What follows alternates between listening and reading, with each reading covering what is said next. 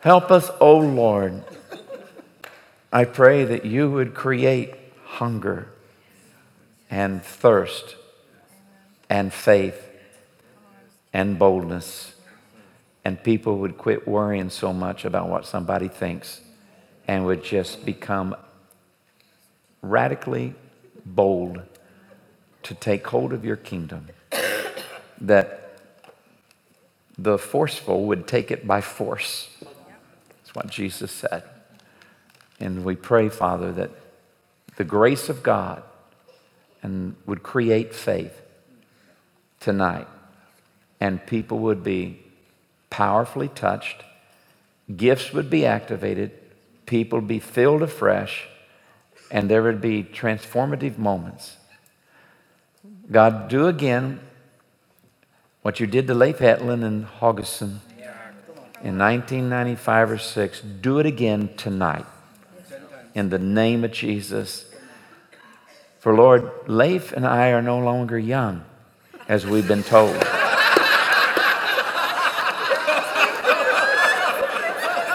So we pray, let somebody young grab a hold of this tonight in Jesus' name.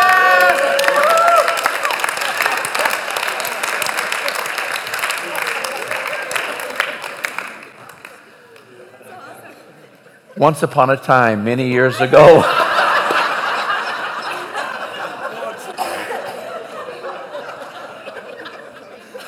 when I was young, and 32 years old. I went to Dallas, Texas. I was a Baptist pastor. I'd been pastoring for 14 years. Um, I was hungry and thirsty for more of God. I had a Master Divinity degree. My four years of college preceding those three years had been in theology and biblical studies. And though I'd had seven years of training at the time, I was very much aware that all of my education was not sufficient to prepare me to be a minister of the gospel because I did not know how to break people free from their demonic bondages. I did not know how to pray for the sick and see healing and faith. I did not understand the ways of God. I did not understand how the gifts of the Holy Spirit flowed. I did not know anything about words of knowledge or prophecy. I didn't know anything about the gift of faith. I knew one thing I needed for God to touch me. It took about seven years after school to figure out how little I knew. I'm not against education. I have a seminary I'm the president of.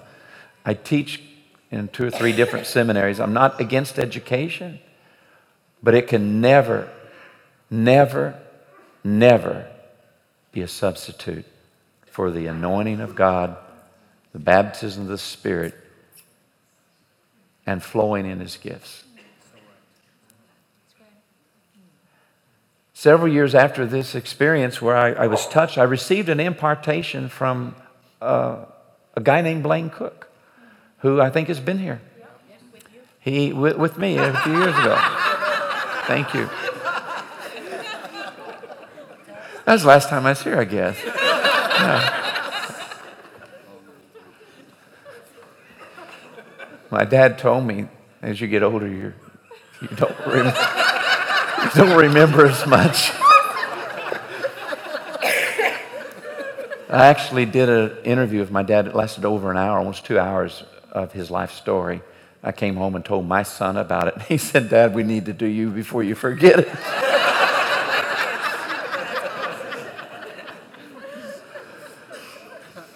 but after Blaine had prayed for me, within nine years later, I was still, I was not still, I'd learned a lot, but I learned even knowledge of how to flow in the gifts of the Spirit could not be a substitute of being full of the Spirit. And you can work and work and work and give and give and give, and you can actually come to a, a place where you're give, given out and you need to be filled up afresh. And And that happened to me three months before I went to Toronto. And all heaven broke loose there. And uh, well over between Leif and myself and Heidi Baker and uh, many others, well over 5 million new believers came into the kingdom as a result of the revival that broke out there.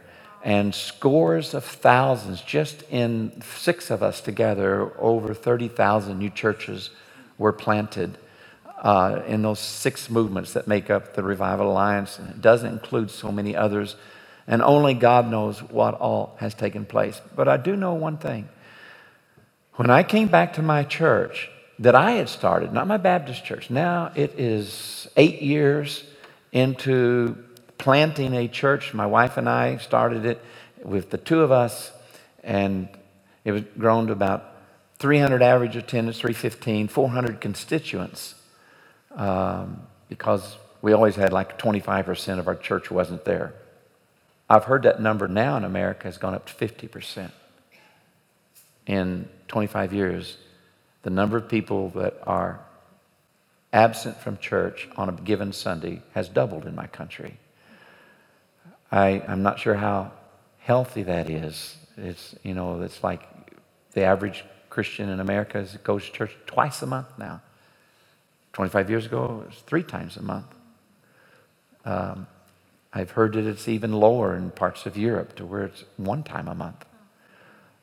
I, and so I, I came back to my church and I asked them to forgive me because we had become dry. I believed in the gifts of the Spirit, I believed in healing. I trained a ministry team on how to pray for the sick. But after eight years, we saw so little people getting, so few people getting healed that nobody wanted to come up to receive prayer for healing, and nobody on the ministry team wanted to pray because we saw so little happening.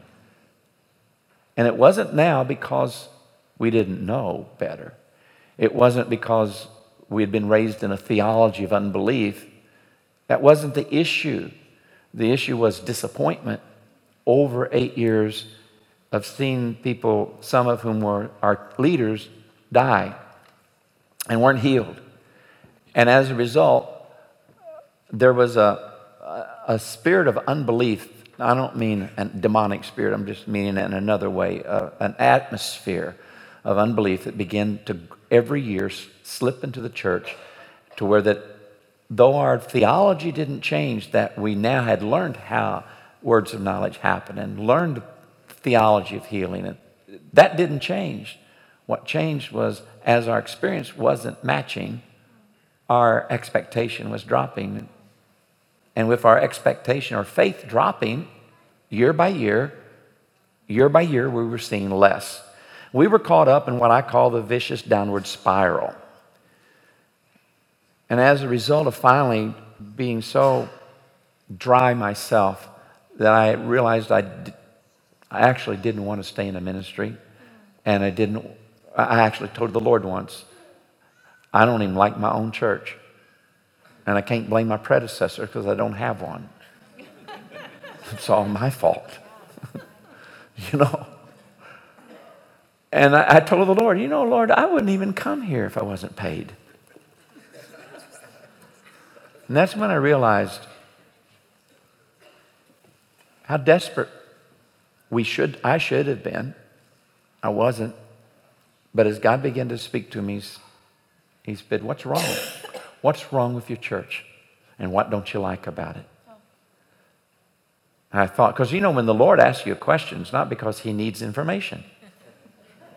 He's the all knowing, omniscient one. he knows everything.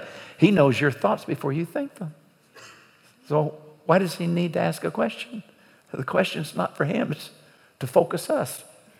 Know, God knew where Adam was. Adam wasn't realizing where he was at. The change in his relationship to God. So I thought, I said, Well, Lord, you know what is wrong with my church? And he says, It's too much you and not enough me. You're building it on the arm of your working hard, and it's worn you out. it's burned you out. And that was where I just became desperate and once again did what I'd done many years earlier began to fast and pray and seek God. And as I turned toward Him, within 24 hours, I get a telephone call from a friend who would tell me about a man that God was using for impartation. 24 hours after we come to this point where God and I had this discussion about church is too much me and not enough Him. And it wasn't like I was backsliding, it wasn't like I wasn't do, doing anything bad or immoral. It was none of that. It's just, it's easy to turn towards the arm of your flesh rather than to Him in humility and desperation. But the good thing is, it's true. Draw near to God, He will draw near to you. The moment I purpose, I'm going to go after God again. And told my associate pastor, we may lose half the church if he does show up. Because we're now used to church when God's not showing up very much. And when he does, he doesn't come in and behave. I, I just thought of I was getting ready to quote somebody. It was a, the pastor of the ba- largest Baptist church in South Africa. And I was invited in by the charismatic churches, and his church was not charismatic. I was invited in by the, by the city, the charismatic churches, and there was not a church big enough to hold the meeting. So he had two weeks earlier, because I met with him, he told me the story. Two weeks ago, I met with my church, and, and I told him, I'm tired of quenching the Holy Spirit and I am going to allow the Holy Spirit to have his way in our church. And then God orchestrates things that I'm going to show up in two weeks. And so we had this meeting. And he says, he said to me, Now, you need to know that we're used to one hour services. And I've heard you're long winded, that you preach a long time. You'll probably get the service by 8. You need to be done by 9. Because if you're not done by 9, my people will get up and start going home. I don't know what you could do past 9 o'clock anyway. So, that first night, God showed up. people had to leave walking over the pews to get out of the church because the aisles and the front was full of bodies lying on the ground that had never happened in that church's history. The pastor got so excited, he went up and started praying for the choir, and every one of them got knocked out except one person he left standing, and that person couldn't carry a tune you can actually hear it. When you watch the video, you got to turn it down because that guy is so off. Which proves the pastor didn't have good discernment about who to pray for. That night, by the way, this is a very well educated senior pastor of the largest Baptist church in the nation of South Africa. Several thousand average attendance. As this is happening, the Holy Spirit speaks to him and tells him to, to walk out of his church and walk across the parking lot. And as he's just obeying something he has no grid for or understanding of, he walks clear across the parking lot. And then the Holy Spirit says, Now turn around look at your church. And when he did, there were flames of fire all across the top of his church that not only he saw, but others saw. In the visitation of God in St. Louis, where I was pastor for 16 years, when it first broke out, the fire department showed up several times at the church it was happening at because the neighbors were calling that they were seeing flames of fire on the top of the church. It happened at Azusa Street where people were calling about the flames of fire that were seen on top of the church. So, anyway, a lot of people got healed, a lot of people were filled, but here's where I started on this rabbit trail. That Sunday morning, or the next Sunday morning, um, this conference is over, and uh, another famous Baptist preacher was the other speaker named Tony Campolo. who's a brilliant uh, professor and is a great man. But the pastor got up and said, We've been praying for the Holy Spirit to come. We have been praying for a visitation. And he said, And I don't mean to be irreligious nor disrespectful to the Holy Spirit, but I can't help but think of this illustration.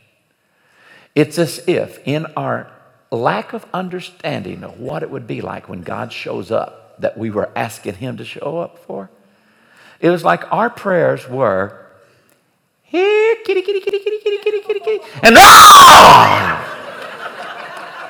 the Lion of Judah showed up. I never forgot that illustration. it's true. You, we, we really don't understand how powerful God. Now, but here's the other thing he said where I started down this rabbit trail anyway. The second thing he said was this when we said, Come, Holy Spirit, we didn't know that when he comes, he doesn't come to sit down on the back row and behave himself. He comes to take over when he comes because he actually believes he's Lord of the church. So, back to my story. You say, what part? Which one? I apologized to my church after the visitation. Within 30 minutes of a visitation, i had been touched at Tulsa, Oklahoma, and now I've come back to my church. No one has ever fallen, eight year history of the church. I get up and ask the church to forgive me because I told them that the church never rises above its pastor. Its hunger will never be greater than the hunger of its pastor. Its fire will seldom be any hotter than the fire on the pastor. And I said, I'm not blaming you for anything that our church was happening in these last few years when so little was happening. I'm blaming myself because I didn't get on my knees and cry out quicker for the Spirit to fall. But the moment that we, as leadership, God respects leadership. That's why it's so exciting that we have a charismatic pope. It's so exciting that we have a charismatic leader, head of the Anglican church right now. It's so exciting because God does honor authority in his church. He honors it.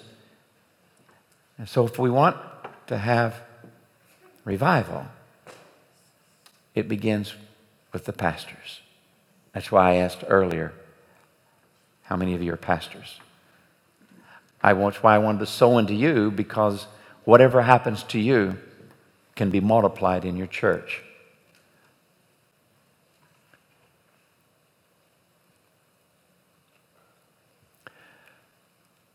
I believe in impartation. What is, you know, it's an English word that they don't have in Portuguese. Where I spent so much of time has been like now close to 117 times to Brazil, mostly for a week, two weeks, sometimes three at a time. When I first went there, there was no word for impartation. Every time I'd say impartation, my spiritual son, who translated me for about 13 years now, uh, I've been going there for 25, he would say, transferencia de unción. Transference of the anointing is the equivalent for, in Portuguese for a word that we have in English, impartation. Transferencia de um unción. The key is, I can't make that happen I don't have the authority to do that. It's a total misunderstanding to think Randy can lay his hands on me and I can receive an anointing that's on his life. I don't believe that. I don't like to pray for people that come up to me because they've read the book There's More and said, Would you pray for me? Would you lay hands on me? Because they don't understand. It's not magic, it's a sovereign, divine thing. And I know what it's like to lay my hands on people and see nothing at all happen. and also know what it's like to lay my hands on people and see their life turned upside down and history of the church be rewritten. But the difference was the first time when nothing happens, I just saw what I can do. And the other time when history changes because of a man or a woman who's so powerfully touched, I saw what God can do. And in the stories of impartation that we tell, they're not the normal one. It's not normally that somebody becomes a history maker. It's, it's not normal that in every meeting we have a Leif Hetland or a Heidi Baker. But we do have lots of leaders who are radically touched and start to, maybe they did not change the history of their part of the church, but change the history of the traje- trajectory of their local church. We see a lot of pastors get touched, but I don't make it happen. God makes it happen, but usually, even though every once in a while he gets a Saul that doesn't believe anything, doesn't want anything, and even may come to the meeting against everything himself or herself. And God says, I'm going to, I'm going to get him. I'm going to get her. Just because he can do that. He sovereignly sometimes chooses his enemies and makes them his greatest proponents. That's what he did with Saul. Saul wasn't seeking God. Saul wasn't seeking Jesus. Saul wasn't seeking the Holy Spirit. But God got him. And sometimes God still does that, which means none of you are safe. Because you may not have been crying out, God, touch me. And He still could. Because we see that happen. And He does that so that we all remember what he does, he does on the basis of what Jesus did, on the basis of grace. When he first came and the power of God first came and hit my Baptist church, right after that, within days, I have a, I have a problem. Some key leaders who was against it, the move of God, are saying this isn't God because two of the best men in our church were not touched and they were wanting, desiring, praying, and asking that God would touch them. And one of them was my best friend, and I would say the most mature, humble, godlike man in the church. And he was not touched.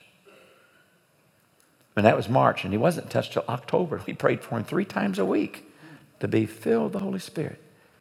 And he wasn't resisting. And it wasn't that he didn't have enough faith. It, it, wasn't, it was all it was was timing and God choosing to show a lesson to my church that this is not about who's good enough, but it's about grace. So when the people said, Why did he touch one of the worst men in my church and a black, a, a, not black, a backslidden Caucasian? who was backslidden, who was there and didn't know why.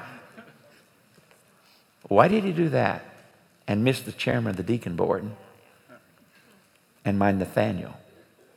I said, I don't know. I'll go ask him. So I'm praying, God, why did you do this?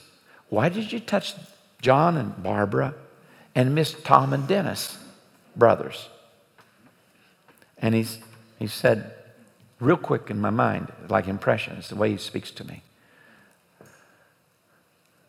I know what you people are like. I've been around a long time. That's his sense of humor. and I know what you humans are like. And if I only touch your best, you'd misunderstand. And he said, What's the word, Randy, for gift in 1 Corinthians 12? I said, it's charismat in Greek, from which we get the word charismatic. He said, what's the root of it? I said, the root of that word is charis. And what does that mean? He said, I said, Lord, it, it means grace. These are grace gifts. He said, that's your answer. I know what you're like. If I only touch your best, if I only touch those that's fasting and praying and seeking, you'd confuse charismata for works amata, and you'd think you earned it. I did this on purpose to remind the church this is grace, and this is even sovereign grace. So nobody's safe. But neither should anybody feel like they're a second class citizen if tonight is not a night that God powerfully touches them. I've told this story before, but the first two sessions in when the visitation came my Baptist church in 84, the first two sessions, I, I'm the only one fasting, praying the whole church, wanting this, and nothing happened to me. And I'm watching people upset, running out of the church because they didn't like what was happening, and God got them before they got out the door. Flipped them over the pew, and their bump, rumps up in the air, and they're laughing. And this is 10 years before Toronto.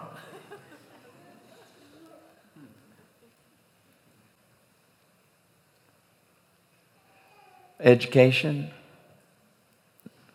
and experience can't be a substitute for anointing. I've been in ministry 49 years. I had had 14 years' experience. Or I could put it this way I had had one year's experience repeated 14 times. Wasn't, see, the fact that you've been in ministry a long time doesn't mean that you've, that you've learned anything. It doesn't mean that you've got an education from your experience. Because until the Holy Spirit begins to show us what He can do and we can't do, do we really learn new things.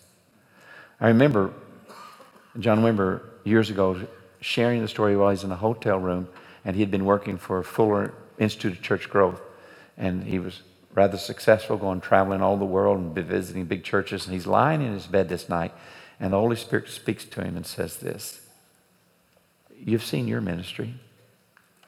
Would you like to see mine?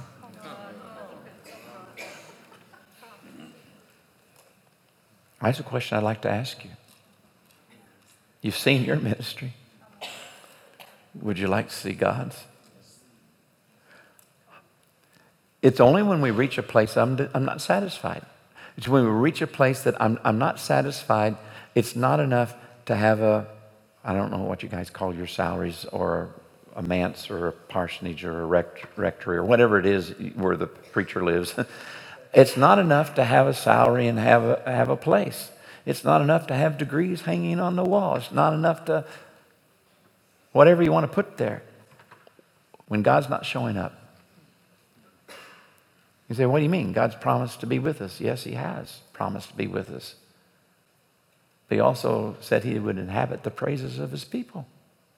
There's things he, that makes him feel comfortable. There's, and one of the things that makes him feel comfortable is just this, this recognition of need. He's looking for some Jacobs who will wrestle with him to get the blessing. And yet it's not a work. Because you can't wrestle with an angel that doesn't show up.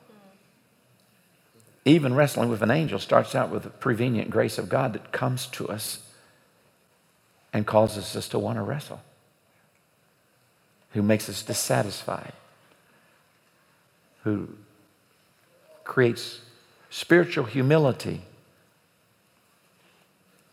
that creates a hunger that says, God, I thank you for everything you've done in my life, but I'm not satisfied. I want more.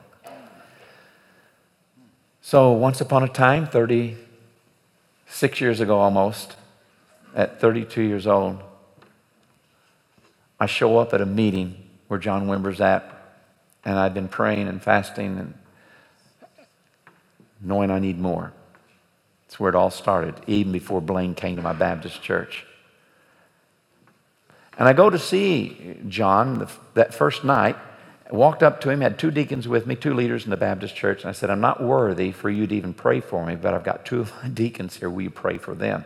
He said, No, I'm going to pray for you. Turned me around, looked in my eyes, and I just watched him prophesy to eight, 500 or 800 Baptist pastors that morning. And in the middle of his message, he stopped and said, By the way, three of you are or four of you are practicing homosexuality, you need to break free of that. And so why don't you come to me during this week sometime? Let's pray about it. And I'm thinking, oh my God. God actually speaks to this guy. He knows the secret sins of people's lives. And so when I went to him and he turned me around, he's looking at me, I can just think, oh, oh here it comes.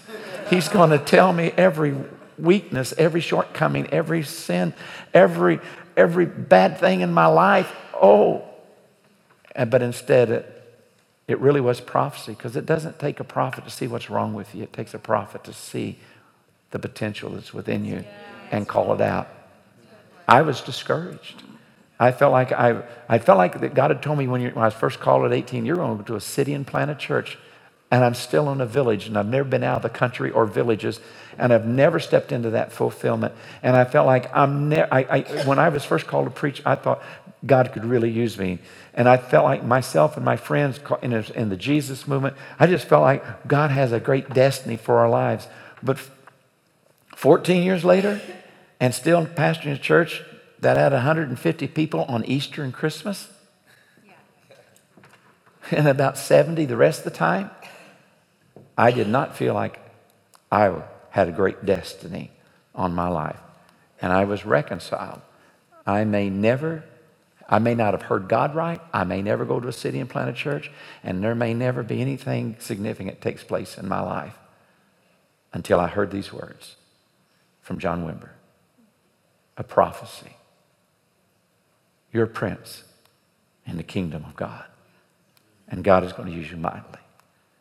He didn't tell me everything he heard out of wisdom, but he did say that he's going to use me powerfully.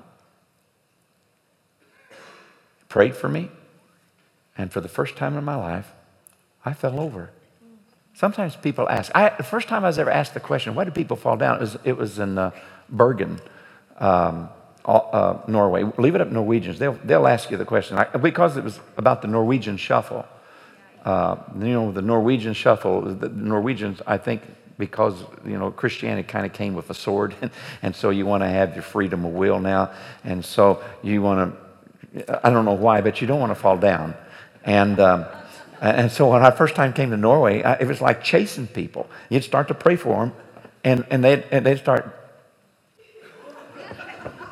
And I'm. Till we get to the wall.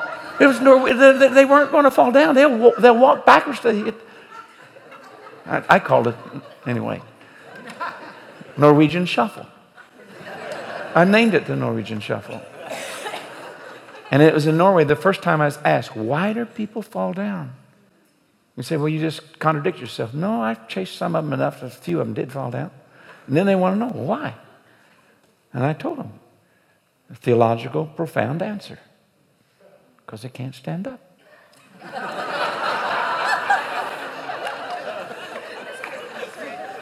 it's true.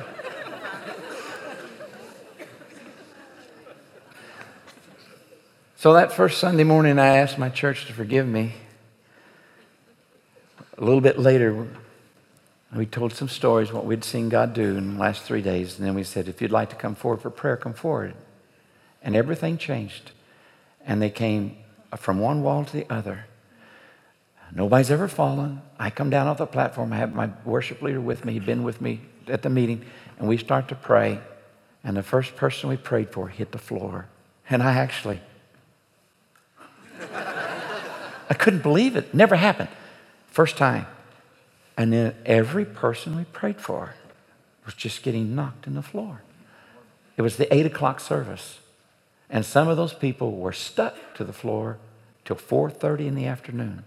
And some are getting sovereign healings of being sexually abused and raped, both sodomized and heterosexually, were being healed without anybody counseling them, just in the anointing. And there was joy, and there was laughter, and there was crying.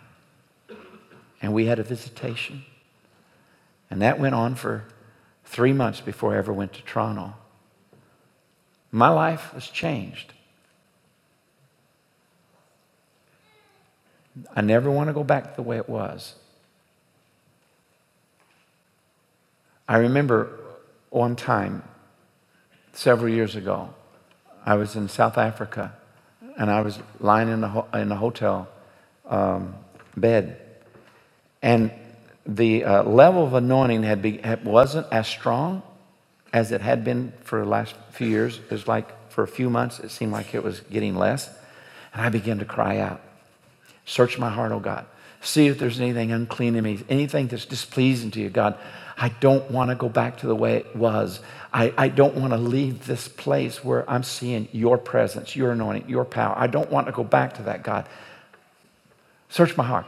And I, I remember, is there anything I've said or anything I've done that would be displeasing to you?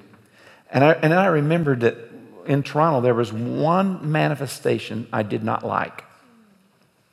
It, do you have any manifestations you really don't like? Is there any manifestations you've ever told the Lord, God, I want you to touch me and fill me, but don't do that to me? I had one, only one. I didn't mind the laughter. I didn't mind the being drunk in the spirit. I didn't mind the crying. I didn't mind the shaking. I didn't mind the heat. I didn't mind the electricity. But one thing I did not want, I told the Lord, don't do that to me, was the crunchers. And in, in the early years of Toronto, the, there would be. The, I'm, going, I'm going to illustrate. The, the people would be talking, and as they're preaching, they would be doing this all the way through their sermon. And I'm thinking, man, they're going to have a six pack by the time this thing is over. You know, just, it was the, there was the crunchers. And I started, I'm thinking, how can you think and do that? How can, it's hard to listen to them. And, hey, uh, uh, and I said, God, do not do that to me. I want to be a good communicator. So that night in South Africa in the hotel room, I'm praying. And I said, Lord, do you remember when I told you I didn't want you to crunch me? If that offended you, Holy Spirit, if that offended you, you can crunch me. Just don't leave me alone. Don't leave me to myself. Because having once tasted that heavenly gift, having once experienced what it's like to see what He can do rather than what you can do, nothing else matters. That's why every generation, every generation needs its own revival. Every generation needs the people who were touched. Every generation needs pastors who have been overwhelmed by the Holy Spirit. Every generation needs its own revival. And Toronto was 25 years ago. It is time for this generation to have their experience of being overwhelmed in whatever way God wants to do it. And with every revival, there's something old and similar, and there's almost always something new, and that something new is usually offensive because we've never seen it before. Whether it's falling down or like it was in the first and second great awakening, or whether it's tongues, or whether it's laughing, or whether it's crying, whatever it is, it can be new and different. In our second great awakening in America in 1800, 1804, the new thing was the holy jerks. They would capture people and they had jerked so hard their bonnets would fly out, their combs would fly out. The women had braided hair, fly out, and then their, their, their long braided hair would sound like a, a wagon whip, whack, whack, whack. And the people would run. This is where the Pentecostal movement again are running. Or if you, I, I mean, it's, when people take off and run. Now, I've never seen. I didn't grow up in Pentecost, so that's new to me. But I found out as I'm studying revival, that's where it started. Because if people would run, the, the jerks would stop. Or if they begin to intercede, the jerks would stop. And these jerks were so powerful that sometimes it would come upon saint and sinner alike. And one man in, in the greatest revival, we had Cane Ridge revival, he, he had, it, it was like a, people would come to see the crowd. 20,000 people in a state that only had 80,000 at the time. They came for, and they came for miles by horseback and, and camping out. And this guy was not a believer. He's a mocker. And he's got his moonshine homemade whiskey, alcohol in his hand and he's cursing and he's cursing the jerks and he's cursing this he doesn't believe that this is really god and the jerks came on him. Until he jerked so hard that it, it, it, it, it jerked the, the whiskey out of his the moonshine out of his hand and it broke. And then he really took off with a blue streak of vile language and the jerks increased to the point that he snapped his neck and broke his neck and he fell down dead in the middle of revival. And some critics would probably say i don't know if that's god or not but you can find it in the Bible. You can find it in the book of Acts. There's a holiness to God too. Now, that was rare. One of the most famous Methodists of our time, and who was called in this revival and became a preacher and preached all over by horseback, was named Peter Cartwright. And he tells, we went to a log cabin one time to, to tell this guy about the Lord, and he curses him so bad with this vile language. He said, As I was walking around the corner of the cabin, I heard this jerk start on that guy, and I heard his neck snap, and he died, fell down dead.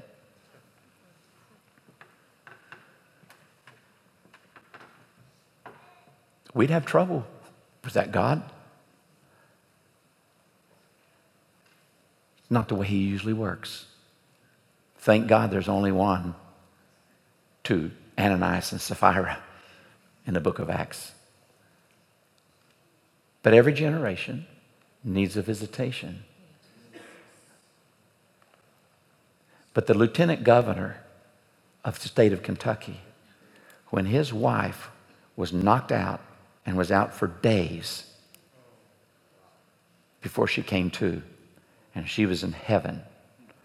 The Lord spoke to her and told her, I don't like when you guys talk. I don't like when you use this language. I don't like it when you use carpet time. And I used carpet time. You know, when people fall down there, that's their carpet time. Remember? Carpet time. And the Holy Spirit said, I do not like it when you call what I'm doing carpet time. It is a holy thing I am doing to people. Whether or not it looks holy on the outside, what I'm doing to them on the inside is a holy thing. So I want you to stop using that language. God is love, and but the angels in heaven don't say love, love, love. They cry out, holy, holy, holy. It's a holy love. It's consuming love. And he loves his church so much that he'll touch his pastors if we'll want it, if we'll ask, if we'll cry out. I just realized I haven't read any scripture. Being of a Baptist background, that's a no no. I mean, you, do, you can't have a legitimate sermon unless you have some scripture in it. So, this whole thing about impartation, just a few passages of scripture. Romans chapter 1 and verse 11, right in the most theological of all books, Paul said, I wanted to come to you that I might impart some spiritual gift to you to make you strong. Then he realizes that could be misunderstood, or rather, that we might be mutually encouraged by one another's faith. He wanted to come, why? To impart what? A spiritual gift. 1 Timothy 4:14 and 2 Timothy 1:6 both deal with the subject of a impartation of gifts through the laying on of hands. Gifts could be imparted with or without the laying on of hands. 1 Timothy 4:14 do not neglect the gift of God within you through a prophetic message when the body of elders laid their hands on you. 2 Timothy 1:6 fan in the flame the gift of God that's within you through the laying on of my hands. In the Old Testament, New Testament, God moves with the laying on of hands and without the laying on of hands. Numbers 11, 17, God spoke to Moses, and said, You gather the elders together, attend a meeting. I will come down, I'll take the spirit that's on you and put it on them. Sovereignly, no laying on of hands.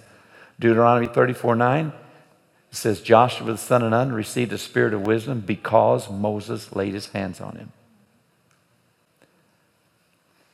Throughout the history of the church, there's a significance of understanding of something is imparted to people through the laying on of hands, and we see it in the, the rite of ordination with the laying on of hands. It's supposed to be more than a ceremony, more than just a religious thing. It's supposed to be this reality of stirring up of gifts. In liturgical churches, which, by the way, I believe Lutherans are somewhat liturgical, um, there's an understanding, Catholicism, Orthodoxy, Lutheranism, and and others that with the laying on of hands at confirmation, there is supposed to be a stirring up of the gifts you received in baptism. It's supposed, that's what it's supposed to be. It needs to become what it is. And the difference sometimes is that faith that causes then what happens to somebody later in life that's had infant baptism and confirmation. What do we call it? Well, some people have said it's like you're a glass of milk. And when you're baptized and hands are laid on you in confirmation, it's like chocolate syrup is squirted into your glass. But for many people, there's no faith has ever stirred it up. And when we realize that God wants to do more in our lives, and faith begins to stir up what we've received already in a liturgical sense, or if you're from my tradition, you receive another filling. Let your faith and hunger stir the heritage in your life. Stir up afresh the anointing of God. Or we could use a different kind of language. In Acts chapter 2, on the day of Pentecost, they were all filled with the Holy Spirit and spoke in tongues. The Spirit of God enabled them. That's one of the signs of being baptized in the Spirit. I don't think it's the only one. I don't think it's the initial necessary evidence. I'm not Pentecostal classic Pentecostal doctrine. I am Pentecostal experience with more evangelical doctrine. But for the people who were there on the day of Pentecost, sometime later in Acts chapter 4, verse 29 through 31, Peter and the church is crying out that God would pour out his spirit and reach out his hand, stretch out his hand, and he would give them signs and wonders. And he would cause the church to boldly proclaim the word of God. And as that's happening, the place where they're at is shaken, and they are filled. All of them are filled afresh. And this time, instead of saying they spoke in tongues, it said, and they all proclaimed the word of God with boldness.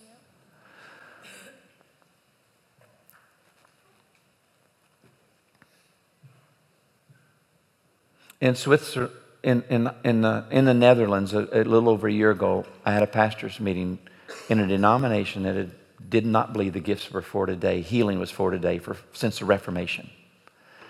The president of the denomination asked me if I'd come in. He said, I want you to teach that they are for today. And I was teaching particularly on healing. One of the men, the pastor of the second largest church that was there, was against everything I said until the last sermon. I was teaching on the price tag associated to healing, uh, like it's a cross that we're to carry, and it's about failure and the people who weren't healed. And that's on my mind tonight because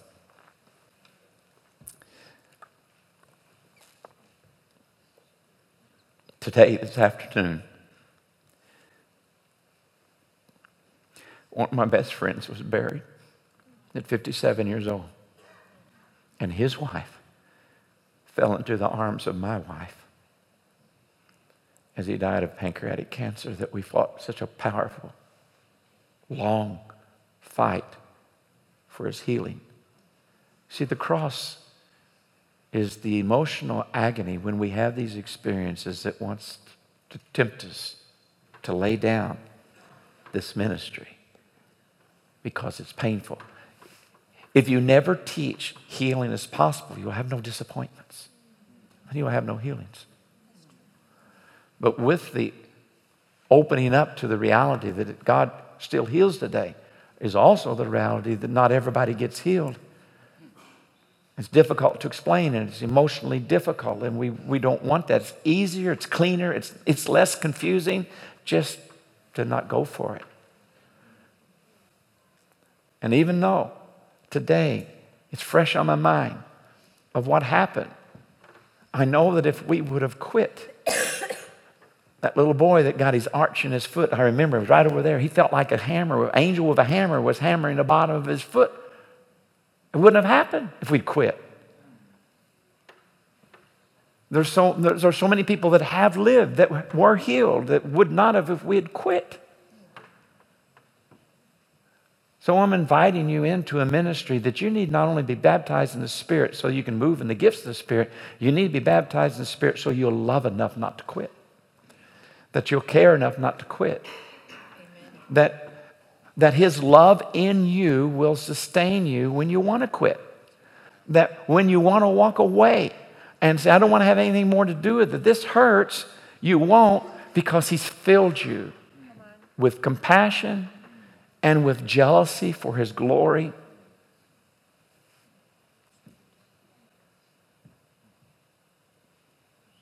In a book that Ralph Martin wrote, The Catholic Church at the End of an Age, what the Spirit is saying around 1994, 95, somewhere in there.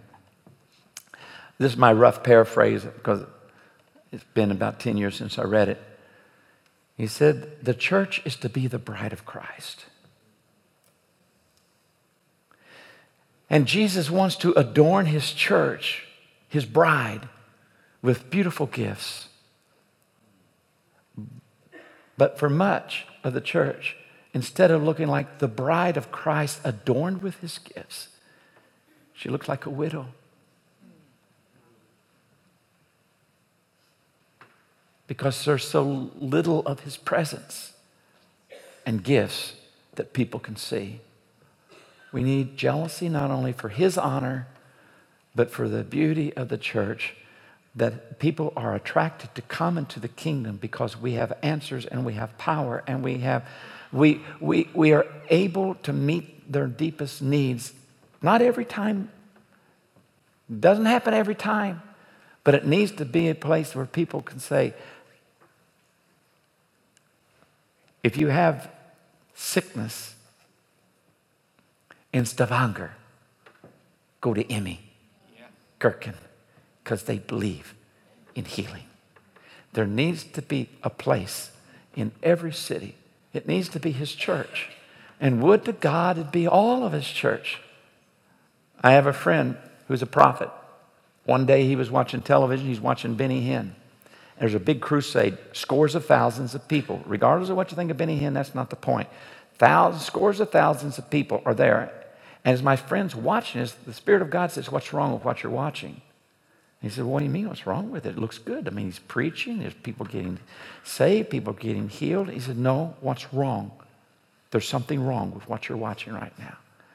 And he said, Finally, I just said, Lord, I don't know what's wrong. I don't see anything that's wrong. he said, What's wrong is there's so little of it that so that big of a crowd comes because there's so few people that are actually going for healing. I need what he's doing to be multiplied a thousand times over.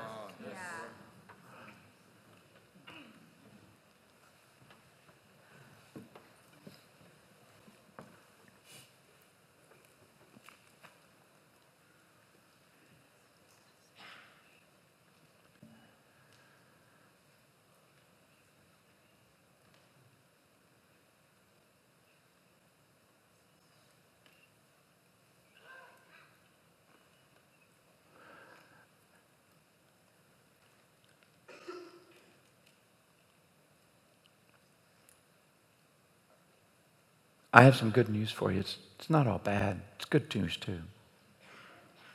This revival that I'm talking about, it's already started. There are young men and young women in their 30s that were touched in their teenage years by the last move of God. Once you've been touched, you can never be satisfied for a lifestyle of Christianity that is void of his fire, presence, and power. Almost every major revival in church history is led by people who were younger and touched in a preceding move of God and then come into their season and time with a new visitation. And they are often the ones who are the first ones to be there because they are desperate and hungry because they have felt and tasted of what it's like when God takes over. And they long to see that happen again. And that is happening. And it's happening in Europe. It, there's, there's something going on in Europe with, with amongst young people and amongst people that's come into Europe in the last decade who are not from Europe I was in Austria and just saw uh, a bunch of Muslims that came to the meeting in this uh, largest charismatic church in the um, capital of Austria. Vienna, that's where we were at. I couldn't think. And it was amazing because the words of knowledge were, they were all Muslims that responded. And the healings, it happened to the Muslims. And then when the invitation came, the Muslims came and gave their life to Jesus. There is something that's going on in this continent, and God really wants the Lutherans to be part of it. God wants IMI to be part of it. God wants you to be part of it for your nation. It's not enough that 3 to 6% go to church. You are a mission field.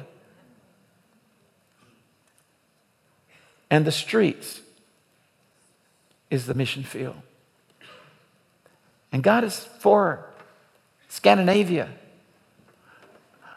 I was in, not all this is Scandinavia. I know some of these countries aren't Scandinavia, but they're getting close. but I was in Sweden a few years ago, and I had a, um, a group of pastors. And this one pastor, uh, when I came back a year or two later, I found out that he went through all of Sweden and he would go to these little churches, like 40 to 100 people, and people were getting healed. He had never had a bit of healing in his life. He got this impartation. We had a meeting uh, right across the bridge from Copenhagen, over uh, Mal- Mal- Malmo. Malmo. That's where we were at the first time. We went back, and I found out this guy was there. And he, he, he, the, guys told me about it. Randy, he has gone all over seeing all these healings take place. It's like it never happened before. And in that meeting, my, my son in law and my daughter was there. It, right here in the front was like a place this big, right here. And if you even got close to it, you'd fall into that. It was just like a glory presence of God. And it, I've never yet to my life ever seen anything like that in my life. It, it, it really shocked me because when we said, Come, Holy Spirit, it's like everybody in that one area, and if people would walk over and look, it was a sovereign thing. It was Sweden. In Copenhagen, a woman named Karen, six or seven years ago now, she came up and she had led in five years 1,800 people, not led them to the Lord. She had prayed for them, they'd gotten healed. 42% of the people she prayed for on the street, she's not an ordained clergy person, but she's led more people and seen more people healed than most pastors do in their lifetime in five years. And she's an introvert, she's not even extroverted. But when the invitation came, this introverted woman who did not want to do anything embarrassing because the aisles were full, she climbed over the seats to get to the front. And five years later, the pastor, executive pastor, brought her to me and said, I want to introduce you to her. I want you to know what she's doing. 42% of the people she prayed for is getting healed. In the greatest healing revival of 1948, Oral Roberts, A.A. Allen, all those famous guys, they average 15% of the people on our healing line getting healed. Here's a woman, a Scandinavian woman from Denmark, that nobody knows her last name. I know her first name's Karen. I don't even know her last name. But her name is honored in heaven and feared in hell. I don't know about you, but I'd like to be one of those persons that, you know, the, the demons said, Paul I know. They were said, in the name of Jesus that Paul preached. Well, Paul I know. Jesus I know, and Paul I know. But who are you?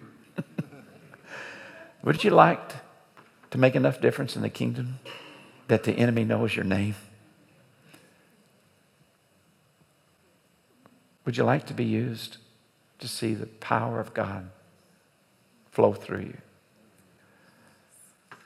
I'm praying that God will create hunger faith.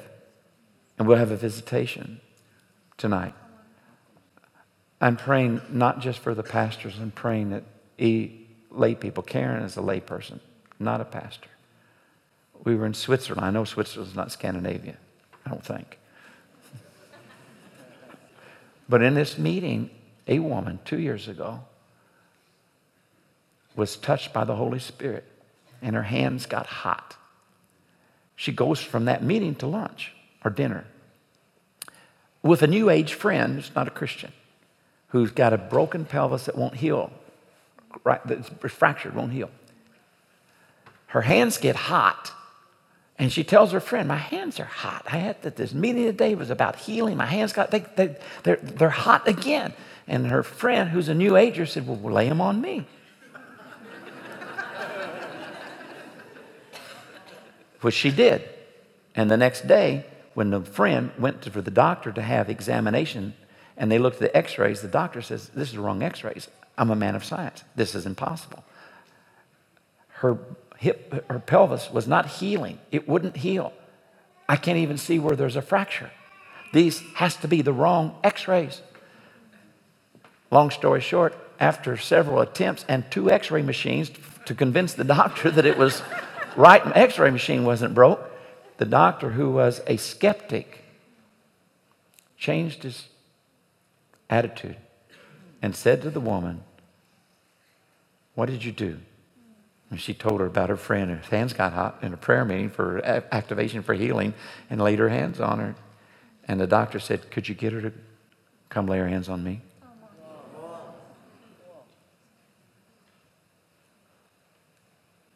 This anointing for healing is just not for preachers, and it's also for doctors. I think we have some doctors here.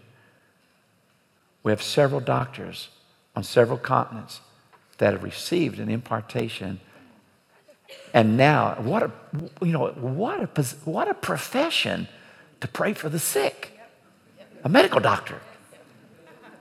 You get a lot of, lot of opportunity.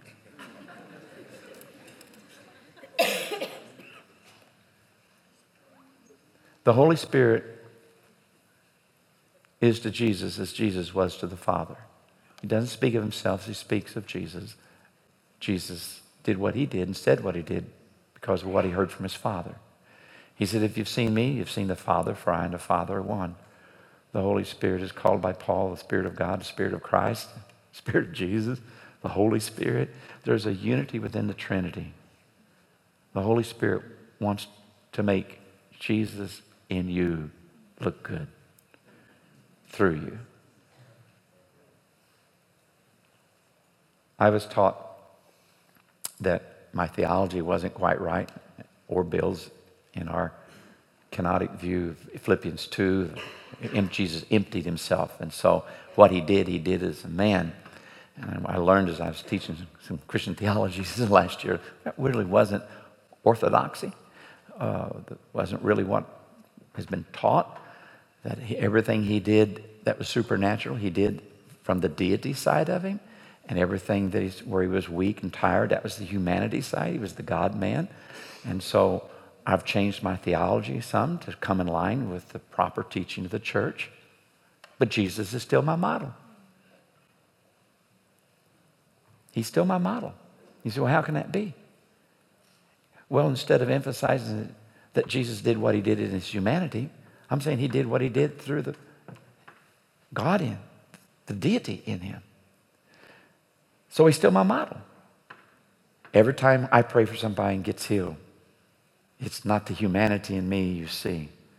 It's Jesus in me.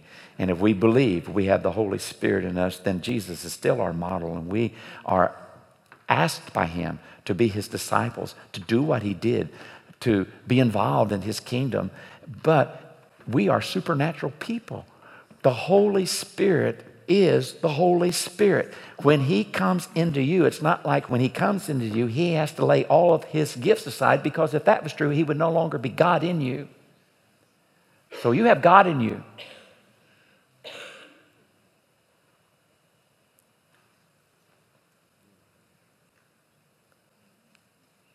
Then we should expect to be used more. This year's just let him out. Give him a chance. Say yes to him. Yes to the leading. Yes to the knocks. Yes to the divine appointments. To risk. Say, Here am I. Send me. Could it be possible that revival from your church is just one death away? Yours? I heard my spiritual father, Jack Taylor, said this once We're supposed to die with Christ.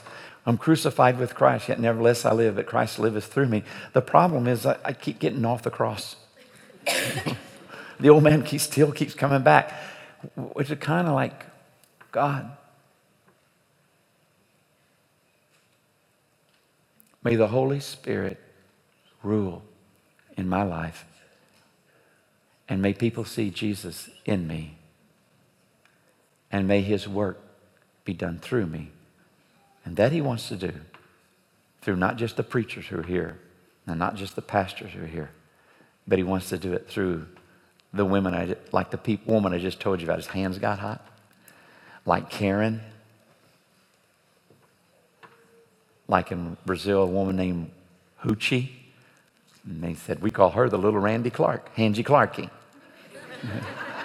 I said, why? Because she see, we see more people get healed when she prays. There's a church of 30,000 average attendance.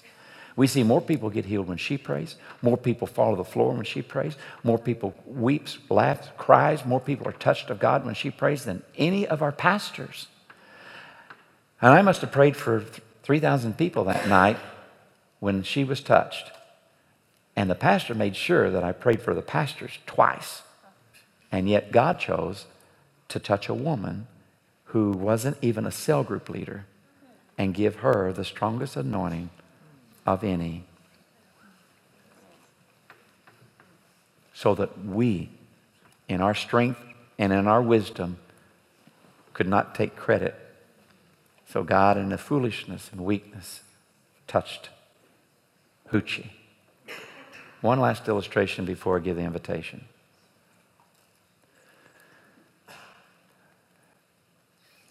About uh, 22 years ago, we had a meeting in the northeast part of the United States with hundreds of pastors and people from all over the northeast.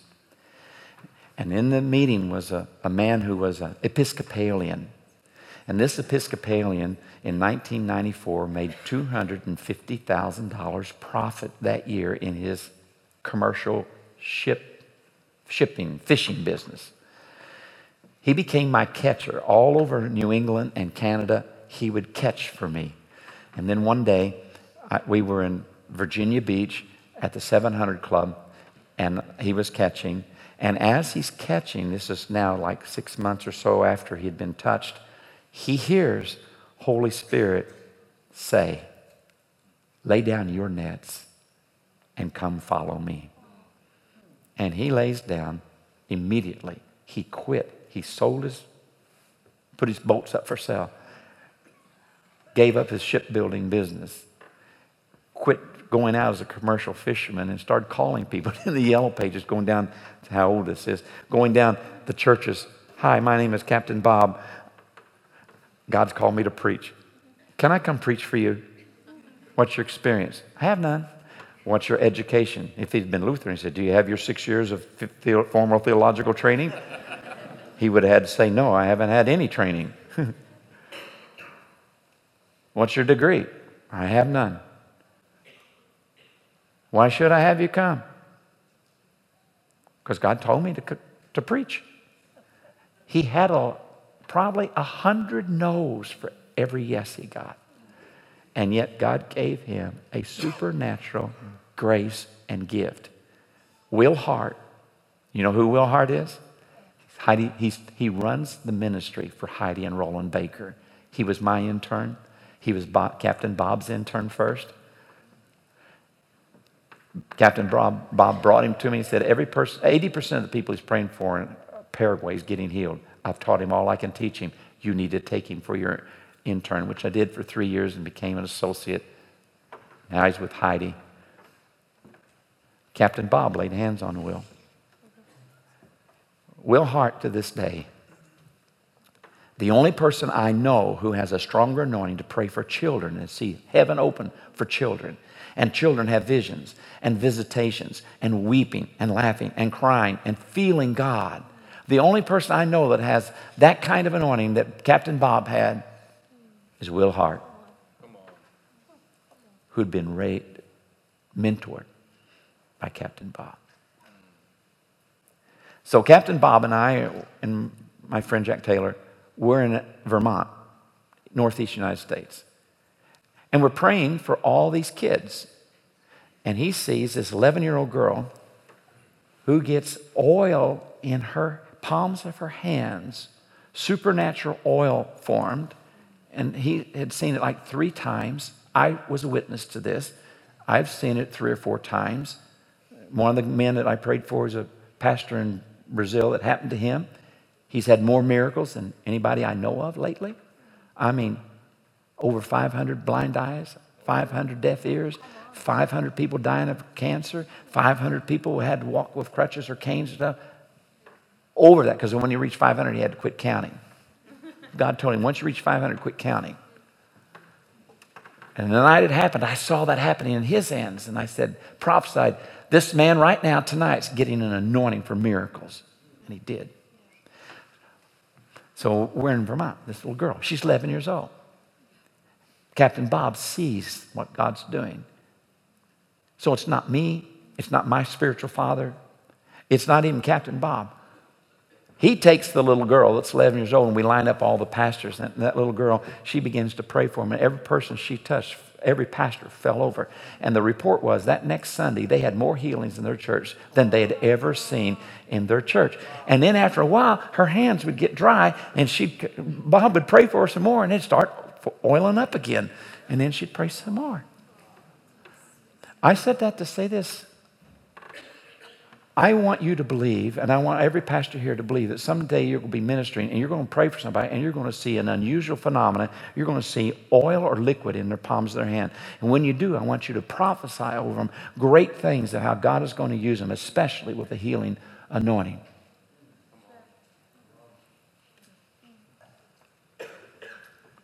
So, the invitation. And that was the wildest sermon for me on that I've ever taught. I was all over the place. And it probably been helpful I'd open my Bible a little bit. But I actually have a lot of faith tonight that this is an unusual meeting and that God's going to do something special. You just can't be concerned about your dignity. You know, you can't embarrass a dead person. If you think about that, that's going to make sense. You can't embarrass a dead person. When we die in Christ, we can't be concerned about our reputations. We can't embarrass a dead person. Have your way, oh God. The night that God touched my church and changed my church. Let me say this nobody in my church, not one of us, knew what a word of knowledge was. It's not quite true. There's a couple of us, but most everybody didn't. Nobody had gifts of healing, nobody had prophetic gifts, and nobody regularly flowed in the word of knowledge out of my whole church. But after this three day meeting, and after this one invitation, it started happening. People started regularly getting words of knowledge, regularly prophesying, regularly seeing people get healed, regularly having such an anointing they had a great authority over demons. And that had never happened before. It happened out of the experience. And some of those people have gone on to be with the Lord. Some of them are in their 70s, and the one that got the strongest anointing is now over 70 years old, and he is still going strong for God, a man of faith. He still is a civil engineer, not a preacher, but he led more people to Jesus, saw more people get healed than most churches see in a year, he would see in his own day to day life. So, this is for everybody. We're all called, we are all ministers. You see, the job of the pastor, evangelist, prophet, teacher, apostle, their job is all the same thing, all five of them. What is their job? to equip the members of the church to do the work of ministry. And I pray tonight that those of you who are pastors will get a special grace and anointing to do that for your church. And I pray that you'd have faith that when you get back to your church, maybe what happened in Toronto back in 94 would start happening again. It's like the Beijing flu, the, the Telegraph newspaper in London said, This is like the Beijing flu or the Hong Kong flu. People get it and they carry it, and then somebody else gets it. May you become carriers of grace. May you become carriers of revival. May there be something happens tonight that adds to the revival that's already happening in Europe, and may it be sped up in Scandinavia.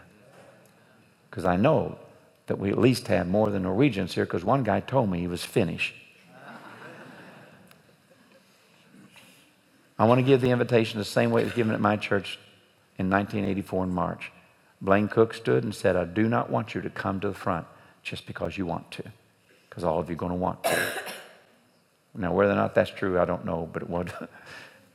but he said, Listen, I want you to see what God does. If you begin to cry, tears. That's the love of God. That's a sign. He wants to touch you. If you begin to feel this tremendous peace that just comes all over you, if you begin to feel heat in your hands, electricity, tingling in your hands, in your body, on top of your head, if you begin to, to feel heavy, like as you're standing there in a moment, I just feel so weighty. There's a weightiness coming on me. These are all signs that God has chosen tonight to be a special occasion for a visitation for you. Do not throw away such an invitation. Because the invitation is to receive and come forward. And we want to lay hands on you and pray for you. When we lay hands on you and pray for you, it doesn't cause anything to happen if God's not already doing something. But if it really is God's touching you and we begin to bless what He's doing, it increases because we're saying, yes, we agree with what God is doing. And if He's not doing it, no matter what we say, it has no power. But if we are seeing what the Father is doing and bless what He's doing, it releases a greater intensity because one of the things I think is because sometimes people are wondering, is this God? Because it's so new to them. And when somebody in authority sees it and identifies it as God, it helps them to move past their fear and confusion and to be open, then I want it. Would you stand?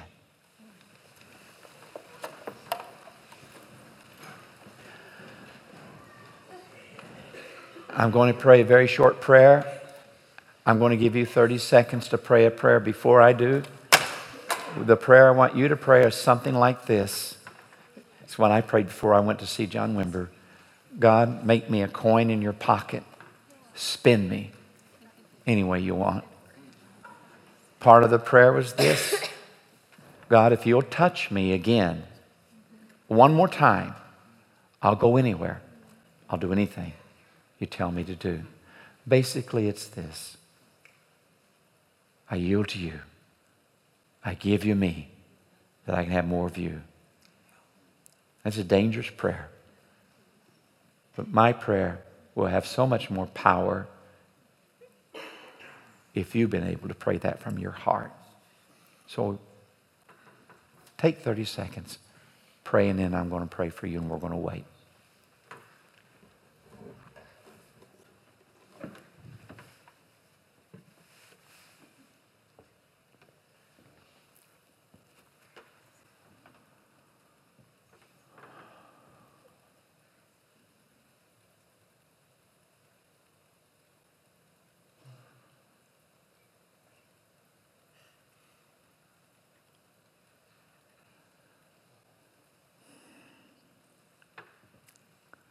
Now, if you could stop your prayer and let me pray for you.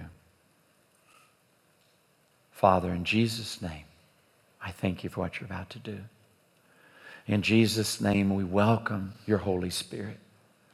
In Jesus' name, we pray that you would come and release gifts, release gifts of healing, words of knowledge, prophecy, miracles. God, release all your gifts. Come, Holy Spirit, come, touch them. Touch them in such a way that they know they're having a visitation in Jesus' name. God, what we've seen you do all over the world for the last quarter of a century, we ask to see it again tonight. I believe that you're going to visit us. So we pause, we wait in honor and expectation of your presence to fall upon us. I bless them, God. Now come. Come, Holy Spirit. Come, angels of God. In Jesus' name we wait.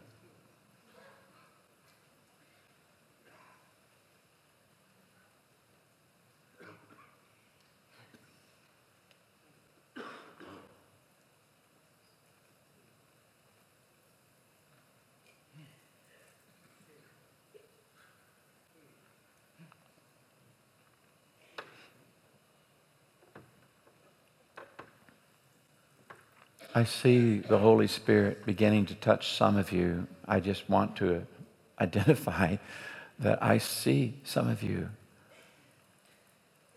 being touched of God, and you should come to the front.